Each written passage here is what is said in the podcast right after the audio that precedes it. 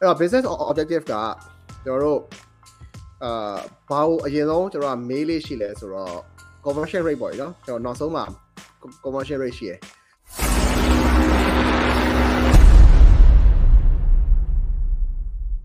ကိုအောင်မွန်ထိုက်အမိထားတာက agency တွေမှာတဲ့ content calendar ပေါ်မှာမူတည်ပြီးတော့ media buying plan ဘယ်လိုဆွဲရတာလဲသိချင်လို့ပါကိုယ် Alex okay အဲ့တော့ business objective ကကျွန်တော်တို့ အာဘာလို့အရင်ဆုံးကျွန်တော်က mail လေးရှိလဲဆိုတော့ conversion rate ပေါ့နော်ကျွန်တော်နောက်ဆုံးမှာ conversion rate ရှိရယ်ရောင်းရကျင်တယ်ဆိုတော့ client တယောက်အတွက်ကသူ့ရဲ့ conversion rate ကိုသူသိထားတဲ့တယ်ဥပမာကျွန်တော်တို့အကြမ်းများဖြစ်ဖြစ်ဗျာဘလို့ရောင်းရကျင်တယ်ဆိုလို့ရှိရင်ကျွန်တော် customer journey ရဘလို့လာပြီးမေးရလဲ sign တွေကိုလာပြီးမေးရလားဒါမှမဟုတ်လို့ရှိရင်ကျွန်တော် messenger ကိုလာပြီးမေးရလားအဲ့တော့အများစုကတော့ကျွန်တော် messenger ကိုလာပြီးမေးရလို့တော့ကျွန်တော်ဒီ covid ဖြစ်တဲ့အချိန်မှာအများစုကျွန်တော်မြင်ရတာပေါ့လေနော်ဟို client အများစုကကျွန်တော်တို့ပြောကြတဲ့ဟာတော့ကြားဘူးတယ်အဲ့တော့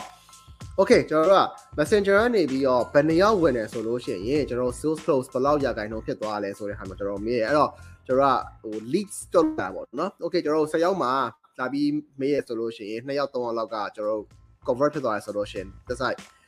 2% 20% 30%လောက်ရှိရယ် အဲကျွန်တော်9ယောက်10ယောက်မှာ9ယောက်လောက်က convert ဖြစ်သွားတယ်ဆိုလို့ရှိရင်ဒါ50% conversion rate ပေါ့လေနော် okay အဲ့တော့ကျွန်တော်ကရပြီအဲ့ဒါဆိုလို့ရှိရင်ကျွန်တော်တို့ကအဲ့ဒီ9ယောက်ကို10ယောက်ကိုဝင်လာဖို့အတွက်ကိုကျွန်တော်တို့ကအာပတ်စံဘယ်လောက်သုံးရလဲဆိုရင်ကျွန်တော်မေးတယ်အဲ့တော့အမှသူတို့ပြန်ထွက်လာတဲ့ဟာရှိရပါတော့ကျွန်တော်10ဒေါ်လာသုံးရတယ်ဒေါ်လာ20သုံးရတယ်9 9ဒေါ်လာသုံးရတယ်စတယ်စတယ်စတယ်ဒီတိုင်းကျွန်တော်တို့ပြောတယ်ကျွန်တော် okay အဲ့ဒါဆိုလို့ရှိရင်ကျွန်တော်တို့က next step အနေနဲ့ကျွန်တော်တို့ တချို့သော client တွေကြတော့ဟို reach data တွေဘာတွေပါတည့်ရဲ့ client တွေရှိရလေနော်မသိဘူးဆိုလို့ရှိရင်ကျွန်တော်အဲ့နေရာမှာတခါ client ဆိုပေးလိုက်တာဟိုဟိုဒီလိုဒီလိုမျိုးလေးတော့တတ်ကြည့်လို့ရတယ်ဆိုတဲ့ဟာမျိုးပေါ့လေအဲ့တော့ကျွန်တော်တို့က post ဘယ်နှခုကျွန်တော် post လုပ်လဲ post တစ်ခုချင်းစီမှာပြန်မြကျွန်တော်တို့ reach ဘယ်လောက်ရောက်သွားရလဲ engagement ဘယ်လောက်ရှိနေရလဲဆိုတဲ့ data ကိုကျွန်တော်က client စီကနေပြီးတော့ briefing stage မှာအကုန်လုံးမေးလိုက်တယ်မေးပြီးတော့မှကျွန်တော်တို့ရဲ့ media planner ဒီ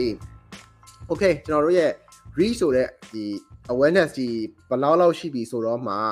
ကျွန်တော်တို့ရဲ့အာရောင်းကျင်တယ်ဆိုရယ် client ပေါ့နော်ကျွန်တော် example တစ်ခုပြပြရမယ်ရောင်းကျင်တယ်ဆိုရယ် client ကို reach နေတယ်ဘယ်လောက်ရှိပြီဆိုတော့မှအဲ့ဒီပုံမှာမူတည်ပြီးတော့ကျွန်တော်တို့က leads messenger ဆိုတဲ့နေရာမှာကျွန်တော် messenger ပေါ့နော် leads ကိုကျွန်တော်ကဘယ်နှယောက်ရနိုင်တယ်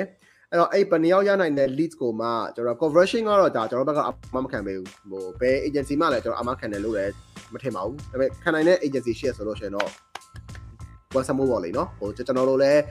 collaborate လုပ်ချင်ပါတယ်ဒါကကျွန်တော်ဒီကနေပြီးတော့ဟိုပြောပြပေးတာပါအဲ့တော့အဲ့ဆောဆောပြောသလိုမျိုးကျွန်တော်ကဒီတလားစာကိုငွေဘယ်လောက်တော့ရမယ်ဆိုတော့ plan ကိုကျွန်တော်ဆက်ထုတ်လိုက်တယ်အဲ့တော့ကျွန်တော်အဲ့ထဲမှာမှာဘာရှိလဲဆိုတော့ဒီဘက်က